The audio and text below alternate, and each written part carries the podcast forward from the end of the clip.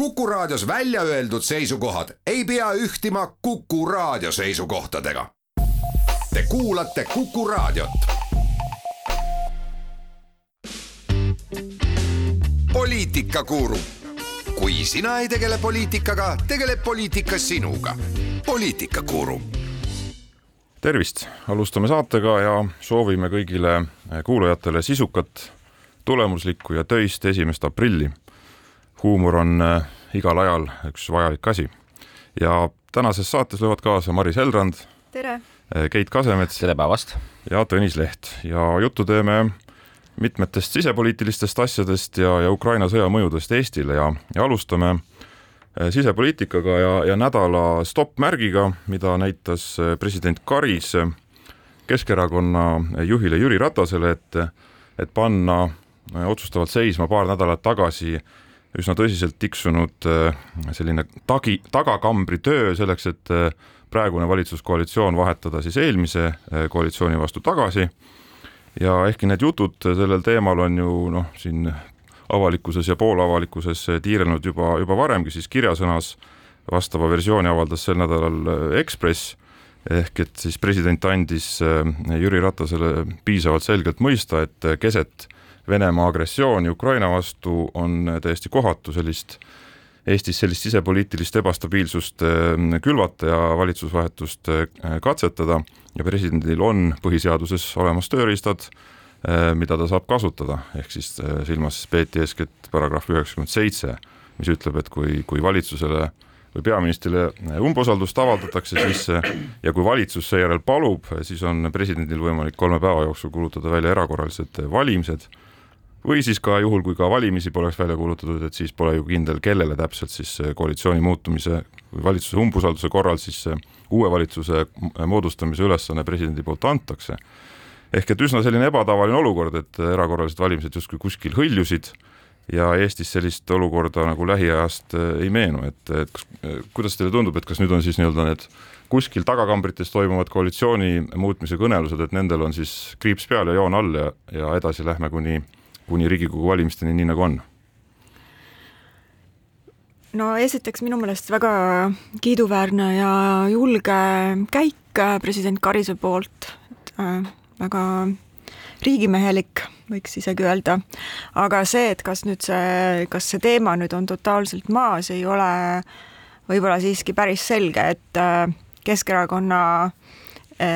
asjad on siiski väga hullud, et sellises äh, meeleheites äh, võib äh, võib hulle mõtteid ikkagi veel tulla, et siin on noh, sõja tõttu toetuselt põhi alt ära ja miljon eurot võlga vajab maksta. et teoorias võib niisugune aken ikkagi enne riigieelarve menetlust Riigikogus veel avaneda, et päris, päris seda, päris seda ohtu laualt ära panna ei saa. Aga siis oleks needsamad valikud ikkagi ju Jüri Ratasel ja mida ongi ainult üks, et mis on see vana, vana siis valitsus, mida me oleme juba näinud, et äh, ma arvan ka, et see valitsuse vahetus praegusel hetkel oleks olnud niisugune äärmiselt äh, küüniline samm, aga kui nüüd proovida võib-olla seda olukorda veidikene analüüsida ja ka presidendi seisukohti, et siis mingis mõttes ju, ju väga Äh, loogilised äh, seisukohad, et ühte valitsust on juba proovitud, äh, see lõppes nii, nagu ta lõppes.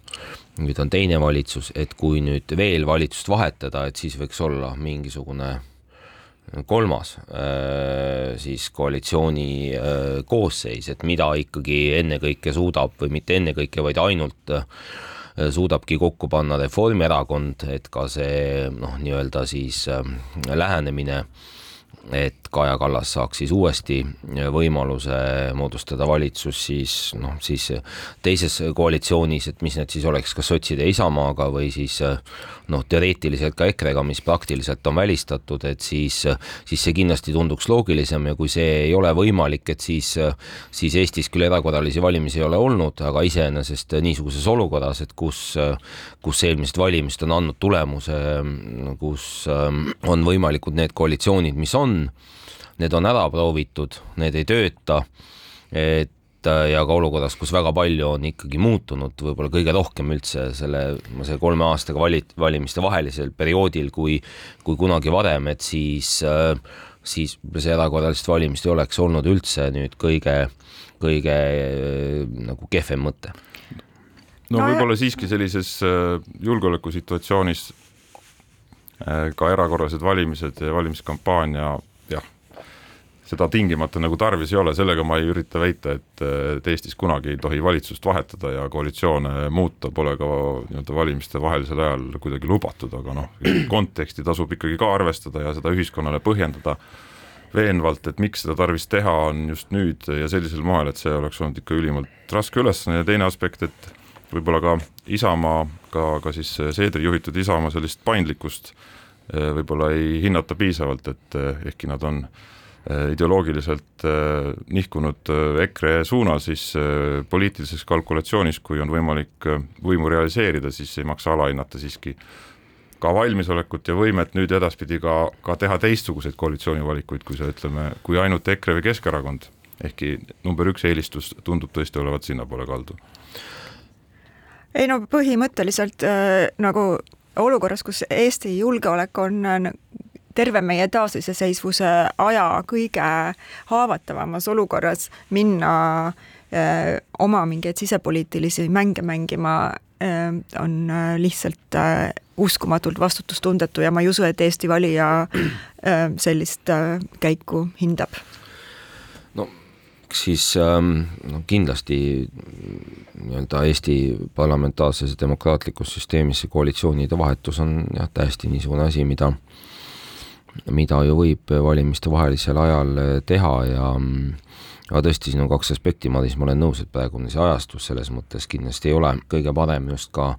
rahvusvaheliste suhete kontekstis ja teiselt poolt ikkagi see, mida ma, mida ma mainisin, mainisin varem, et, et eks see valitsus on juba ka, või see koalitsioon on ka tõestanud juba oma, oma niisugust ütleme siis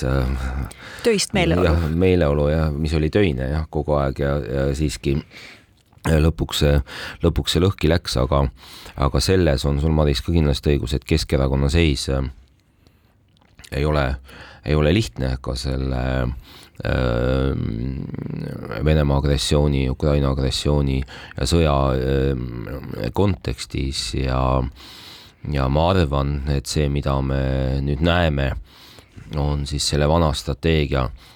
tagasitulek, mis oli ka nagu paralleelselt juba varem, et siis kogu mhm. aeg valitsuse sees otsida siis neid konfliktikohti, äh, tõsta neid, äh, tõsta neid üles ja siis mm -hmm. noh, kas tuua seda, siis oli ka mõte, et tuua seda võib-olla põhjusena siis valitsuse vahel, vahetuseks, aga et noh, olla nagu rohkem, rohkem pildis, et tegelikult ju oli pikem vaikus vahepeal, kui siis nüüd nagu me teame, nii nagu me teame, oligi see eeldatavalt siis seotud sellega, et prooviti teha seda uut koalitsiooni, et kui, kui see ei õnnestunud, et nüüd on ka siis Keskerakond oma vana, vana taktikaga tagasi, et mida me nüüd näeme siis välismaalaste seaduse äh, muutmise juures äh, siis Riigikogus, mis, mille, mille arutelu edasi lükati ja kus, kus jällegi siis ikkagi see vana valitsus või vana koalitsioon on äh, nüüd äh, laia, laias pildis jälle ühes, äh, ühes paadis ja ja eks see teema kindlasti jätkub, nii et noh, ma arvan küll, et ega noh, see õhkkond ka selles praeguses valitsuses saab olema töine, aga mitte kindlasti lihtne ja neid probleeme saab olema seal väga palju. tulebki täpsustada, et töine jah. nagu irooniliselt see töine, jah. võtmes töine kindlasti nagu eriti suurte jutumärkidega töine õhkkond siis Keskerakonna ja Reformierakonna juhtide vahel, aga võib-olla sisulisemas plaanis siis natuke töi-, päriselt töisem siiski valitsuse ministrite vahel ja noh, see ongi siis nende sealhulgas siis Keskerakonna ministrite ülesanne nagu seda kuidagi ratsionaalselt ikkagi koos hoida, et nii-öelda poliitilisel ja avalikul tasemel kemplemise taustal siis midagi ikkagi ka päriselt toimuks ja ära tehtaks, aga võtame teise sisepoliitilise väikse teema siia otsa veel, nädala lahkuja aunimetuse anname ka välja, see läheb äh, juhtivale sotsile Jevgeni Ossinovskile, kes siis äh, teatas nüüd, et ta lõplikult loobub või noh, mitte lõplikult, vaid hetkel loobub äh, oma tööst Riigikogus ja, ja pühendub tööle Tallinna volikogu juhina. aga loodus muidugi tühja kohta ei salli, tema asemele siis asendusliikmena tuleb Riigikokku endine, endine sots Anastasia Kovalenko, vähemalt on ta sotside nimekirjas kandideerinud ja, ja nüüd siis tituleeritud ka juba perekonnanimega kui Kovalenko-Kõlvart, vähemalt meedias. ja ta on formaalselt parteitu, aga Tallinnas on ta äh, voli, äh, volikogus keskfraktsioonis ja, ja Toompeal lubab ka toetada Keskerakonda, et äh, Maris, sina oled ju ise ka sotsiaaldemokraat ja, ja, ja siis esindad sotse Tallinna volikogus, et et kindlasti Tallinna linnas on väga palju neid augeiaseid talle, mida nii-öelda puhtaks rookida ja parendada, aga et miks ikkagi selline vahetus? sest tegelikult ka Riigikogus ju on üht-teist teha nojah, eks Ossinovski tegelikult ju lubas kohe peale valimisi, et ta ikkagi pühendub Tallinna, Tallinna tegemistele ja ta on seda ka teinud, ta on noh, see on, seal on palju nagu sellist tegevust, et mida me ei ole äh, võib-olla väljapoolt ei, ei oskagi niimoodi näha, aga tegelikult äh, Äh, linna juhtimine on siiski esimest korda üle kahekümne aasta äh, mitte ainult ühe erakonna käes ja seal äh, on see mingis mõttes, ma ei tea, ma nimetaks seda mingiks võimu horisontaaliks, et ikkagi linnapea ja volikogu esimees äh, räägivad paljudest asjadest ja asjad liiguvad äh, siis, kui mõlemad on sellega nõus, et äh, et äh, tal on äh, nagu kindlasti suurem roll seal, kui, äh, kui neid istungeid ju juhatada. nüüd kas, nüüd see äratulemine, see on natukene muidugi, või noh, kogu see situatsioon on natukene selline imelik seebiooper, sest et see kuidagi kõik langes kokku teatega Preili Kovalenko abiellumisest linnapea Kõlvartiga. nüüd siis proua nüüdseks, nüüdseks proua Kõlvartiga ja ühtlasi sai ta justkui pul pulmakingiks siis selle Riigikogu koha. Äh, noh, Ossinovski äh, puhul on see, et mingis mõttes see on jah, omad vitsad peksavad, tema usaldas, tema tõi Kovalenko sinna nimekirja, on ju, ja nüüd äh, äh, siis proua võtabki selle kompensatsioonimandaadi ja räägib vastutusest oma valijate eest, kuigi noh, tegelikult on see nagu vääritu tegu, kui sa oled erakonna mandaadiga Riigikokku saanud ja üle hüpanud ja tulla ja rääkida, et sa võtad vastutusest oma valijate eest ikkagi selle koha, aga samas ei saa nagu noh, keegi ju jääda ka lõputult ühe niisuguse võib-olla mitte kõige väärikamalt käituva poliitiku pantvangiks ja sellepärast seal siis äh, lihtsalt äh, tiksuda, sest olgem ausad, et äh, viimane aasta enne valimisi, kas sa oled seal süvaopositsioonis kümne või üheteistkümne häälega, nagu tõesti paraku väga palju ei, väga palju ei muuda, nii et ma arvan, et Ossinovskil on tegelikult Tallinnas äh, väga palju teha, rohkem teha ja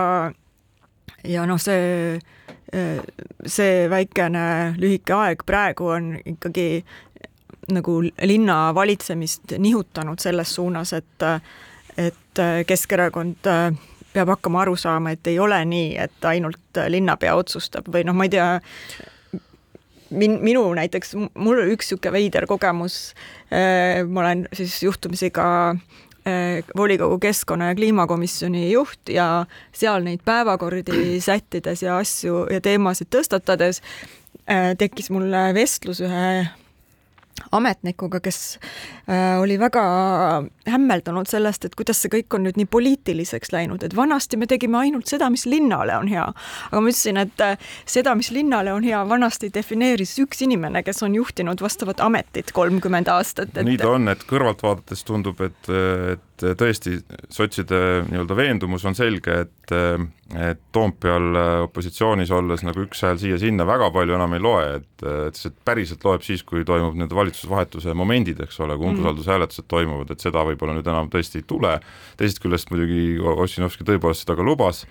ei maksa siis lubada või noh, teisest küljest on ka väärikas, kui sa lubadusi pead, et selles ma siin ei kritiseeri, et aga iseasi on see, kui palju seal Tallinnas ikkagi ka midagi volikogus on võimalik päriselt ära teha, seda tahaks muidugi näha. mina peaks küll ütlema, et minule jääb ikkagi väga segaseks see, et selle,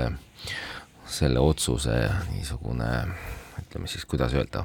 põhjendatus, et äh, võib-olla ka kahel põhjusel, et et üks on see, et noh, me võime ju nagu öelda, et mis seal vahet on, kas opositsioonis on üks hääl rohkem või vähem, aga aga noh, ka see poliitiline olukord võib muutuda, nagu me enne rääkisime ja teiseks ka ikkagi anda ära üks üks Riigikogu koht, et noh, kui nende ja selgelt Keskerakonnale, et ähm, noh,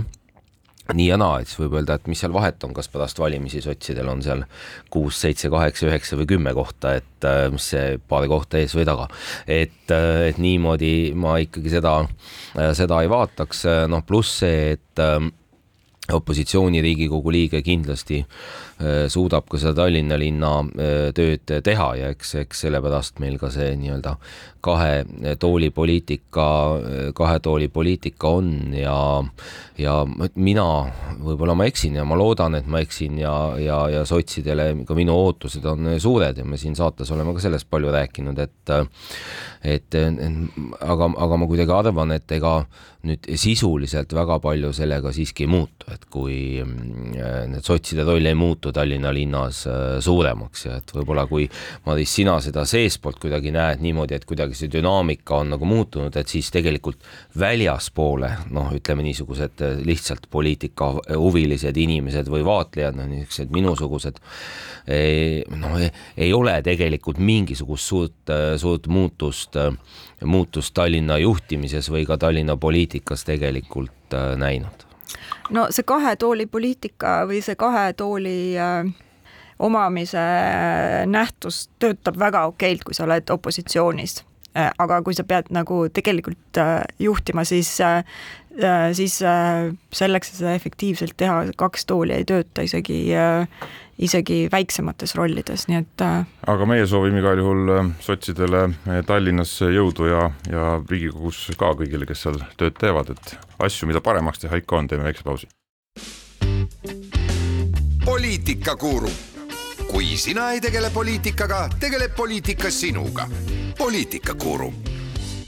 oleme eetris tagasi stuudios Maris Heldrand, Keit Kasemets ja Tõnis Leht ja ja valitsus äh, peab koostööd võimalikult sisukalt jätkama. Meil on ikkagi kriisiaeg ja, ja Ukraina sõda, Venemaa agressioon seal on sundinud peale ka olulisi lisakulutusi, lisaeelarve protsess on käima lükatud, aprilli jooksul eeldatavalt saadakse see noh, kokkulepe sõlmitud. Fookused, mida lisaeelarves lubatakse, on loomulikult kaitsekulude suurendamine, ka sõjapõgenike vastuvõtmisega seonduv energiajulgeolek ja, ja ka ja ka siis võimalikud need mullistused, mis hinnatõusudest, eriti energiavaldkonnas tulevad, et võimalik nende leevendamine, see on muidugi võib-olla kõige suurem siis ütleme, poliitiliste vaidluste koht, et kuidas, kas ja kuidas seda täpselt teha, aga igal juhul kulud kasvavad võimalik, et nüüd hinnatõusude kontekstis ka tulud kasvavad, aga Keit, et eh, kas me juba selles faasis oskame ka näha, et eh, kuidas neid kulusid nagu katta, et, eh, tegelikult ju raha lihtsalt kapi seest ei tule, et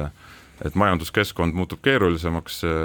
kas me peaksime liikuma, ütleme, laenamise suunas, kärpimise suunas või, või on tegelikult kuskil veel mingi kolmas tee? no see on jah, niisugune äh, väga põhimõtteline küsimus, et mida kindlasti ka siin valijad enne siis äh, enne valimisi loodetavasti siis erakondade niisuguste lubaduste ja programmide põhjal saavad äh, saavad vaielda, aga no ega täna ma arvan, et lisaks sellele, ma arvan, teatud Äh, võimalusi siin, siin annab, ütleme, inflatsioon, sellega seotud äh, suuremad äh, maksutulud, teistpidi majanduskasvu prognoos on ju nüüd oluliselt väiksem kui kui, kui see, millega, millega see kaks tuhat kakskümmend kaks eelarve tehti, nii et kuidagi oodata mingit suurt ülelaekumist vast eelarvesse ei tasu. Ja no hakata nüüd enne valimisi kuidagi tõstma makse, äh, et siis äh, noh, kus äh, olukorras, kus üldse seda debatti ei ole toimunud, tundub nagu ka väga keeruline, nii et eks see lühiajaliselt ikkagi siis see laenukoormuse suurendamine, see see peamine rahastamise vahend või, või allikas siin äh, saab olla ja selles praeguses olukorras küll ka midagi niisugust imelikku või, või taunimisväärset ei ole, et siin on ju ilmselgelt on ikkagi äh, väga põhjendatud kulud, mis tuleb äh, teha, et kui me vaatame ka seda lisaeelarvet, siis tõesti üks pool on see julgeoleku pool, mitte ainult otseselt riigikaitse, vaid ka siis nii-öelda sisejulgeolek ähm, siis sõjapõgenike eh, abistamine ja siis, mis puudutab energeetikat, et ennekõike sedasama suurt LNG investeeringut, millest me hakkame rääkima, noh, et need on kõik mingis mõttes kulud, mida tegemata jätta ei äh,, ei saa. Ja, ja pigem noh, ütleme, me võib-olla saaksime kuidagi siin midagi kritiseerida, kui võib-olla kui on, oleks tehtud niisugust varasemat praktikat, et kui me mäletame varasemaid lisaeelarveid, et öelda, et meil on siin nii-öelda kriisi, Covidi kriisieelarve, lisaeelarve ja sinna pannakse sisse veel tohutu hulk mingisuguseid äh, teisi poliitilisi lubadusi ja niisuguseid, äh, niisugust teemasid, et täna me tegelikult ju midagi seda, sellist ei näe, et see on ikka reaalselt sisuliselt tõesti nende lisakulude katmiseks äh, kokku pandud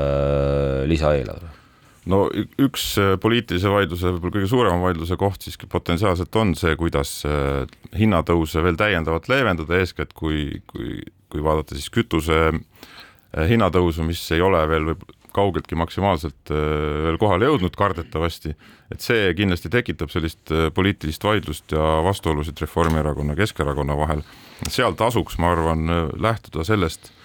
nii-öelda püüdes neutraalselt seda vaidlust vaadata, et et äh, ütleme siis elektrišoki aegseid äh, meetmeid korrata või nii-öelda analoogseid meetmeid korrata juhul, kui ikkagi see kütuse hinnatõus äh, tõesti läheb nii järsult üles, et, et me räägime siin pikema perioodi jooksul kütuse hinnast tanklas, liitri hinnast kaks viiskümmend kolm eurot, eks ole, kui see nagu see tõus on praegusega võrreldes ikka väga selge ja pikaajaline šokk inimeste jaoks, et siis nagu võimalikult sihitult neid meetmeid rakendada. sest selleks on ühiskonnas nii-öelda tellimus või nõue on olemas Äh, kui me vaatame nüüd kütuseaktsiisi langetamist. see siin, ei pruugi olla üldse aktsiisi langetamine. Äh, siis peaks, no mida sina mõtled, siis mingit toetust hakata maksma igale ühele, kes, kes siis äh, tangib, et siis kuidagi küsib mingisuguse, läheb siis omavalitsusse ja siis, siis küsib sealt mingit kütusetoetust või no,? et. mul veel valmis skeemi ei ole, aga see puudutab noh, ütleme maapiirkonna inimesi, kes ei saa, kellel pole ühistranspordi võtta ja keda tegelikult see päriselt lööb, et muidugi ei ole nagu he, he, head realiseeritavat loogilist skeemi kuskilt laua pealt kohe või sahtlist võtta, aga noh, põhimõtteliselt probleem nagu tekib ja poliitiliselt neid hääli, kes soovivad eh, seda leevendust siis pakkuda nii-öelda, on Reformierakonnal kõrval kõik teised jõud. kütuseaktsiisi midagi... langetamise kohta ma lihtsalt tahtsin öelda kahte asja, et esiteks, et tihtipeale ikkagi see aktsiisilangetus, see kütuse hinda ei jõua või mhm. mõjutab mm. seda väga vähe ja see palju rohkem ikkagi on, on seotud maailmaturu hinna ja kõige, kõige sellega. ja, ja, ja teiseks on see, et kas meil on ees seal see Euroopa Liidu kütuseaktsiisi miinimummäär, et, et selles ulatuses, mis täna saab langetada ilma selleta, et seda Euroopa Liidu kütuseaktsiisi miinimummäära hakata muutma, on, on tegelikult see mõju on võrdlemisi võrdlemisi väike, et, et selle meetme puhul kindlasti sellega tuleks, tuleks arvestada, et lihtsalt niisuguse toetusskeemide puhul noh, mis oli nüüd võimalik nagu bürokraatia vabalt äh, elektritoetuse puhul teha, see üle, üle saja kahekümne euro kilovatt-tund, siis äh, teatud koguseni vist kuussada viiskümmend äh, kilovatt-tundi siis kuus tarbimist, et et see on niisugune lihtne ühest kesksest kohast administreeritav meede, aga kui me nüüd mõtleme mingit kütuseaktsiisi, mingit toe- või kütusekulu toetust, et kes siis seda saaks, kuidas, missugustel tingimustel, et see nüüd tundub küll noh, nii midagi sellist, mis mis pigem oleks jälle siis raha laiali jaotamine lihtsalt ilma väga mingi konkreetse mõjuta ja no kindlasti, aga, aga kui see hinnatõus peaks väga kõrgelt äh, ja tugev tulema, siis tellimus, äh, sellele nii-öelda poliitiline tahe seda teha äh, koalitsioonist ka väljapoolt, see, see tuleb, see on ka nii-öelda ühiskonnas populaarne ja noh, sellega kuidagi peab suhestuma, ehk et juba see, juba seesama küsimuse püstitas, teki-, püstitus tekitas siin piisavalt kirge, et, et seal on nagu potentsiaali. no kütuseaktsiisi langetamise kontekstis, no mina seda absoluutselt ei poolda, sest ma mõtlen selle peale, kuidas Martin Repinski sellest võidaks suurelt, on ju, või samalaadsed tegelased, et äh, kindlasti äh, äh, maapiirkondade inimestele tuleb mingisugune viis leida, kuidas, kuidas neid abistada, aga aktsiisilangetus iseenesest äh, küll ei ole mingi hea idee, sest et meil on need kulud, meil on need kaitsekulud ja teiseks iga paak paagitäis kütust, mida äh, tallinlane täna tangib, maksab ühe ukrainlase elu, vabandage väga meie, meie vastutus on see, me peame ka olema nõus kuskil mingeid ohvreid tooma nüüd ei maksa ka kuulajal valesti aru saada, et mina aktsiisilangetust pooldan, et, et ma rõhutasin, et see teema tuleb ja et seal mm. nagu sihistatud meetmeid, kui, kui tuleb järsk hinnatõus, mis on muidugi tõenäoline, siis ongi vaja väga sihistatud meetmeid. ei tea, et äh, see on ka väga teoreetiline arutelu, et ähm, et mis oleksid veel need lisafaktorid siis, mis seda äh, nafta hinda just oluliselt üles viiksid, et et, äh, et sellel nädalal ka siis ameeriklased teatasid äh, läbi ajaloo kõige suuremast siis äh, niisugusest naftareservide turule paiskamisest ja eks seda, neid naftatootjaid peale Venemaa on siiski veel ja kellel on ka ressurssi seda, ütleme, OPEC ei ole tahtnud tootmist suurendada, on ka, on ka teisi, kes on OPEC-ist väljaspool, kes veel tootmist suurendada saavad ja et ma praegu võib-olla ma eksin, pean oma sõnu sööma, aga ma tegelikult ei näe, et nüüd me näeme mingit väga-väga suurt äh, kütuse hinna tõusu, et pigem ma arvan, miks kin-, meie elu saab olema ikkagi päris keeruline sellel äh, aastal ja võib-olla ka edasi, on, on see, et juba see praegune kütuse hinna tõus Äh, mõjutab väga palju inflatsiooni kõikides teistes valdkondades ja pluss see, et ka toorme kättesaadavus, mm. toiduainete hinnad, ehitusmaterjalide hinnad, mis on kõik selle sõja ja tarneprobleemidega seotud, et ka seal me näeme suurt, suurt hinnatõusu ja üldist elukalliduse tõusu, et mida mingisuguse konkreetse toetusmeetmega kuidagi noh, vähendada või aidata on ikka päris keeruline. aga siis võib see toetusmeede ollagi seotud ikkagi äh, äh, ütleme, perekonna või leibkonna sissetuleku ja kuludega, mitte, mitte mingisuguse konkreetse kaubagrupiga a la kütus. poliitikakuru, kui sina ei tegele poliitikaga, tegeleb poliitika sinuga. poliitikakuru jätkame saatega stuudios Keit Kasemets, Maris Heldrand ja Tõnis Leht ja Ukraina sõja majanduslike mõjude juures otsapidi juba olime, sellega ka jätkame, räägime nüüd äh, kõige rohkem ehk äh, gaasist, äh, noh, nafta on ka teema, aga küsimus siis selles, et et sõda on juba üle kuu aja käinud, Euroopa Liit, USA on suure hulga, teised lääneriigid ka suure hulga sanktsioone kehtestanud, samas Euroopa ja, ja ka Eesti sõltuvus Vene, kõige rohkem siis gaasist, aga naftast see püsib ja ka äh, selle, nende ressursside ostmine suures mahus jätkub, ehk et siis kõige suurem otsesem äh, Venemaa sõja või agressiooni finantseerimise rahavoog igapäevaselt, äh, igapäevaselt jätkub. et kuidas teile tundub, et kas, kas tänaseks Eestil on nagu selge plaan, kuidas, kuidas ka Eesti oma jälge selles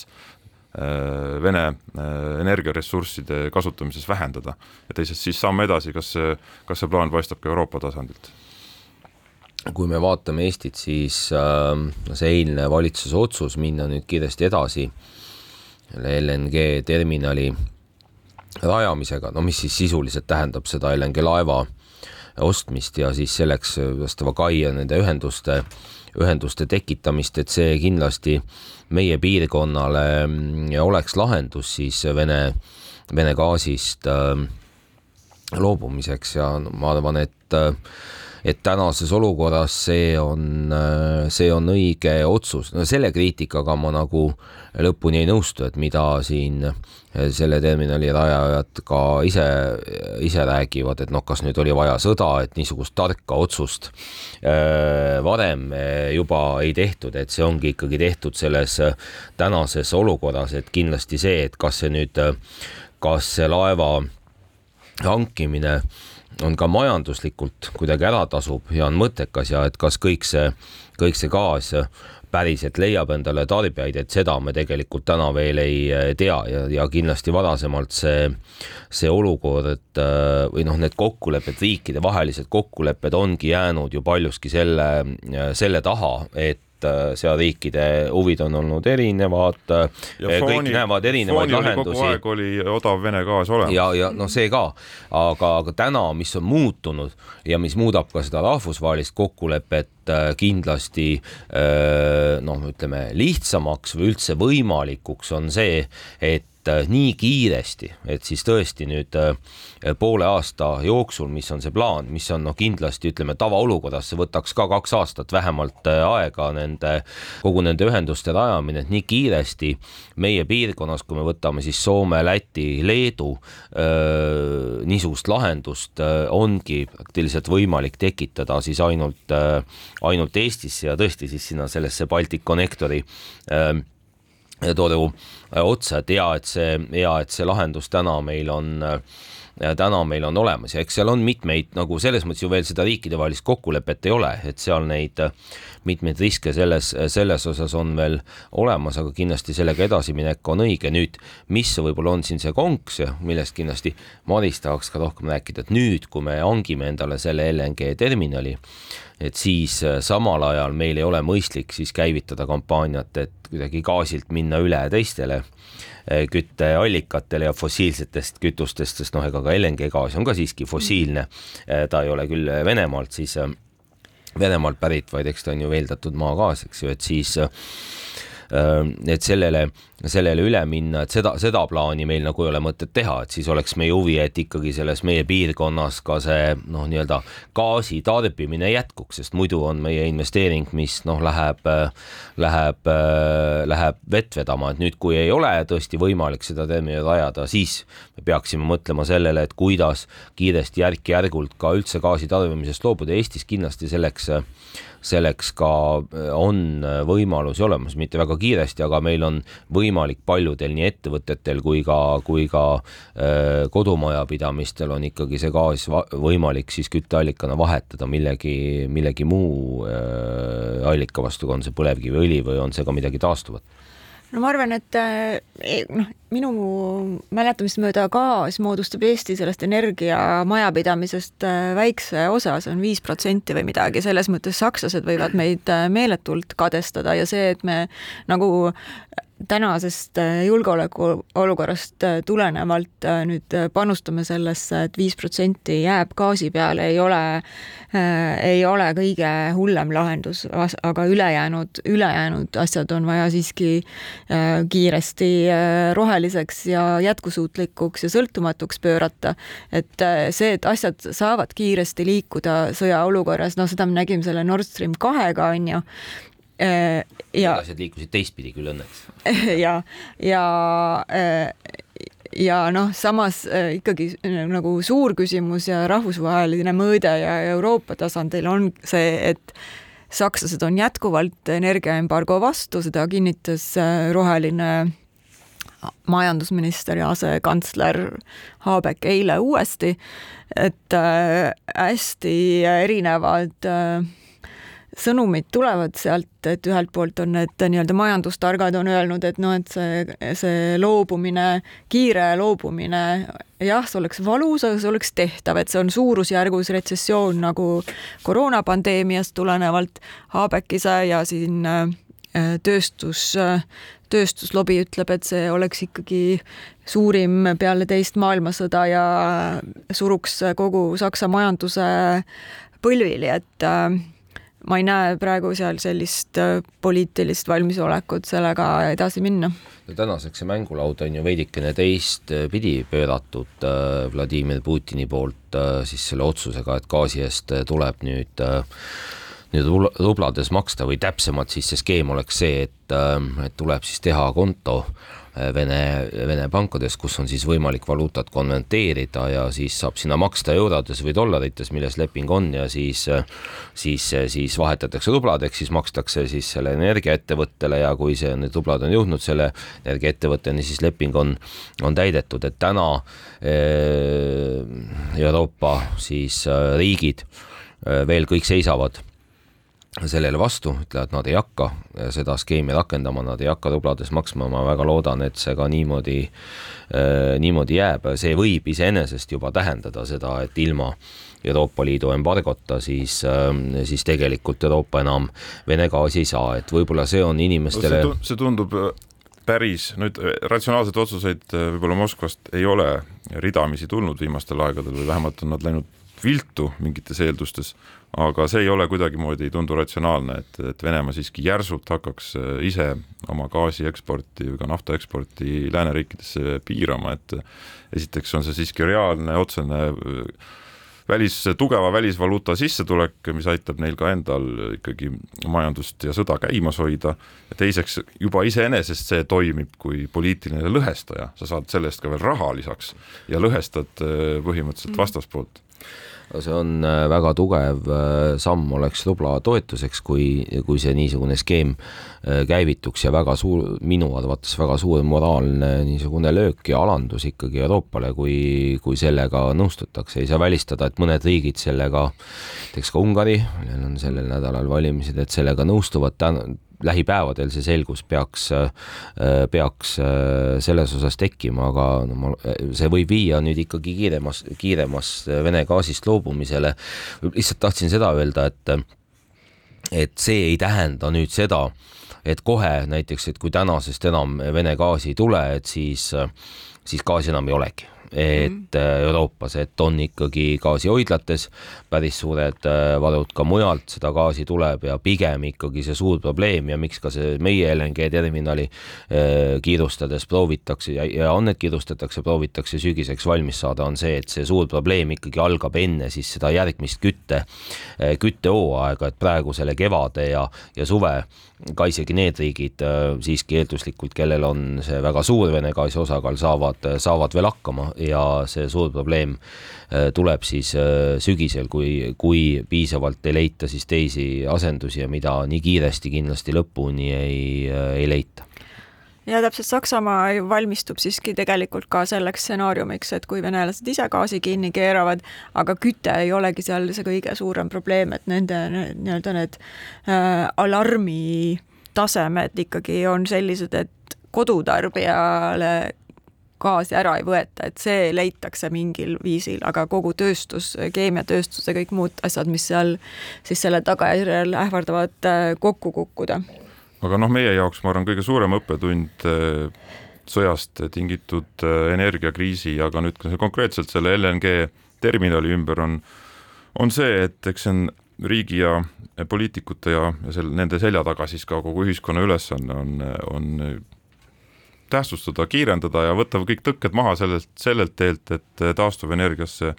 tehakse kiiresti, võimalikult kiiresti suuri investeeringuid, et, et ja seal tootmisvõimalusi suurendatakse, et see on tegelikult ka meie julgeoleku, tuleviku julgeoleku garantii. aga taastuvenergia osas võiks ju samamoodi mõelda, võib-olla mitte nii radikaalsetele kiirendusskeemidele, et kus tõesti praegu kasutatakse ikkagi noh, põhimõtteliselt lahendusi, kus eraettevõtja ise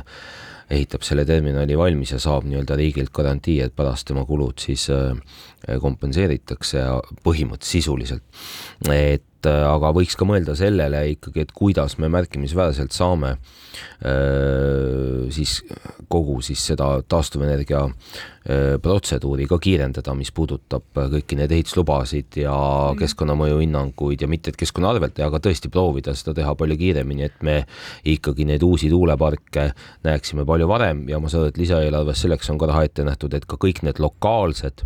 taastuvenergia lahendused jõuaksid võrku või neil oleks võimalik siis võrguga liituda, eriti mis puudutab siis ka päikeseenergiat. aga teeme siinkohal taas pausi. poliitikakuru, kui sina ei tegele poliitikaga, tegeleb poliitika sinuga. poliitikakuru jätkame saatega, eetris endiselt Keit Kasemets, Maris Elrand ja Tõnis Leht ja põgenike ja sõja teemaga jätkame Ukraina sõjapõgenikud vaieldamatult mõjutavad meie poliitikat, majandust, äh, sotsiaalsfääri ja üks, üks suuremaid valdkondi on ka haridus. Ja, ja üks suuremaid, kiiremaid äh, väljakutseid on, kuidas ikkagi tagada Ukraina lastele, kes on siia jõudnud, koolihariduse kvaliteetne jätkumine, et Maris, kui sina vaatad seda probleemi, ka, ka Tallinna volikogus, eks seda teemast on ju räägitud, kindlasti arutatud, et eh, milline see mõistlik või optimaalne mudel siis on, et kuhu, kuhu need Ukraina lapsed, keda on nüüdseks juba siis üle üheksa tuhande Eestisse jõudnud, et kuhu neid õppima suunata? nüüd ongi hea võimalus öelda, et mis sotsid teevad Tallinna linna juhtimise juures, et tegelikult äh, äh meie ettepanek oli see lahendada niimoodi, et äh, ja me räägime siis lahendusest alates uuest kooliaastast, et need, kes praegu leiavad koolides vabu kohti ja sinna õppima lähevad, ükskõik mis koolid need on, see on omaette teema, aga et sellele pakkuda siis selline suuremal skaalal lahendus, see ettepanek on see, et vähemalt Tallinnas jagada need lapsed kõikide koolide vahel ära, igasse kooli õhtusesse vahetusse e-, eraldi klassid Ukraina lastele. ehk et äh, see tähendaks praeguste arvude juures, et igasse kooli tuleb kaks klassikomplekti lapsi umbes, aga see on hästi skaleeritav nii üles kui alla, sest me tegelikult täna ei tea, kui palju neid lapsi esimesel septembril on ja mis nendega teha. Ja sellisel võima-, sellisel juhul nad saavad siis äh, turvalise keskkonna, nad saavad näiteks hommikupoolikul olla siis oma huviringides, mis on ju hommikupoolikul tavaliselt vabad, et äh, neil on, neil on tegevust. siis äh, äh, see mõte, et teha Ukraina põgenikele eraldi kool, seda, ühesõnaga see linnakoolide vahel ärajagamine ja teise vahetusse, see, see plaan on töös, selle, selle nimel tegutsetakse. See, et teha Ukraina põgenikele eraldi kool ja eraldi koolimaja äh,, nagu äh, äh haridusminister äh, plaanib äh,, seal on nagu noh, Tallinna võtmes äh, tunduks kõige loogilisem asi teha see, et võtta see üks äh, tühi koolimaja ja teha sellest kas põhikooli lõpuklass ja gümnaasium, selline tase, nii et need väiksed lapsed saaksid ikkagi võimalikult oma kodulähedasse kooli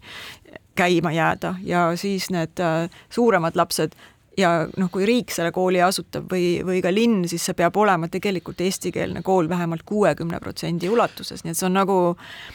noh, see on nagu selline no, kiire lahendus. minu arvates lõpus, Maris, nüüd äh, sa jõudsidki selleni, mis äh,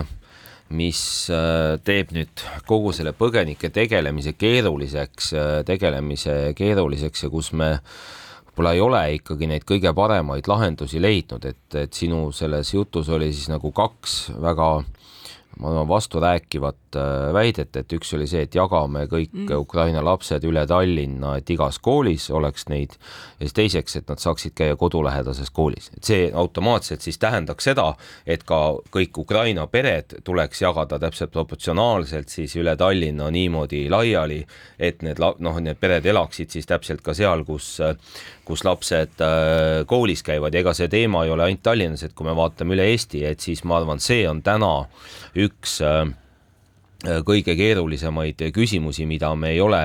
mõistlikult suutnud ette näha ja mõistlikult äh, lahendada, et et, et meil oli mõeldud see esimene samm välja, et üheks kuuks saab siis hotellidesse äh, inimesi äh, majutada, paljud on juba läinud tööle, neil on juba töökohad mm., äh, paljud nüüd siiski tahetakse ju, et Tallinnas ei ole piisavalt kohti veel kuskile mujale panna elama, kuigi nad Tallinnas juba töötavad ja nii edasi, et et mis see minu väide on lihtsalt see, et ega seda haridust ei saa tegelikult siin vaadata, kui neid inimesi on juba nii palju, kuidagi eraldiseisva valdkonnana, tegelikult tegelikult tuleb seda vaadata ikkagi tervikliku lahendusena, et kus need inimesed töötavad, nad peaks ikkagi ise saama valida, et kuhu, nagu meie saame valida, et kuhu, missugusesse kooli äh, me siis äh, oma lapsed,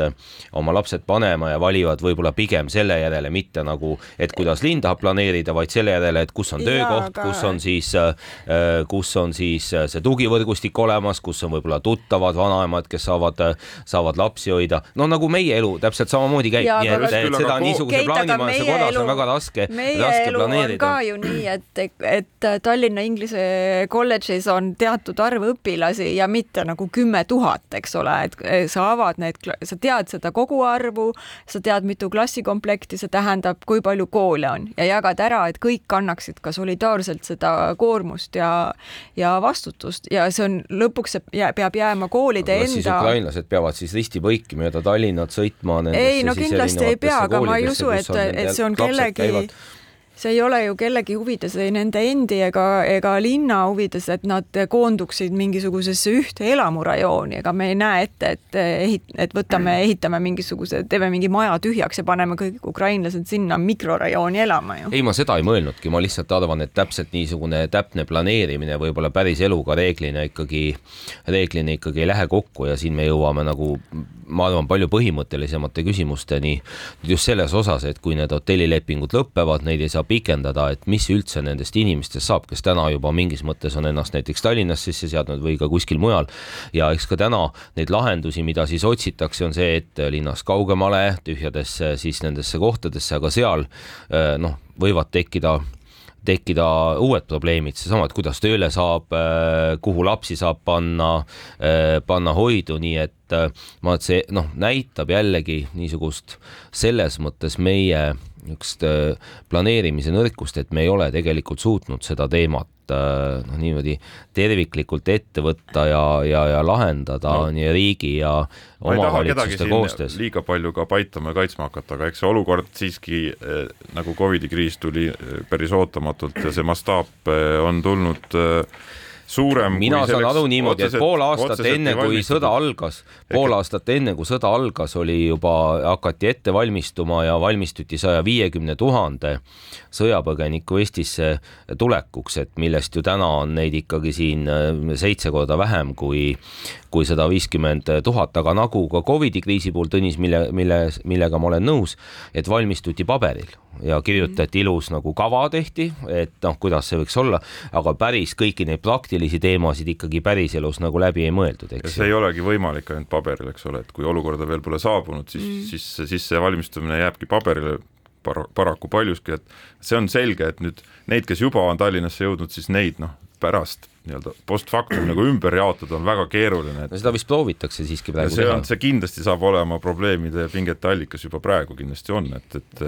et see nii-öelda need, kes tulevad hiljem, nende saatuseks on siis tõenäoliselt see rohkem, et nad Tallinnast väljapoole neid kõigepealt pannakse, eks no, ole. ma arvan, millega me peame ja saame arvestada, on see, et,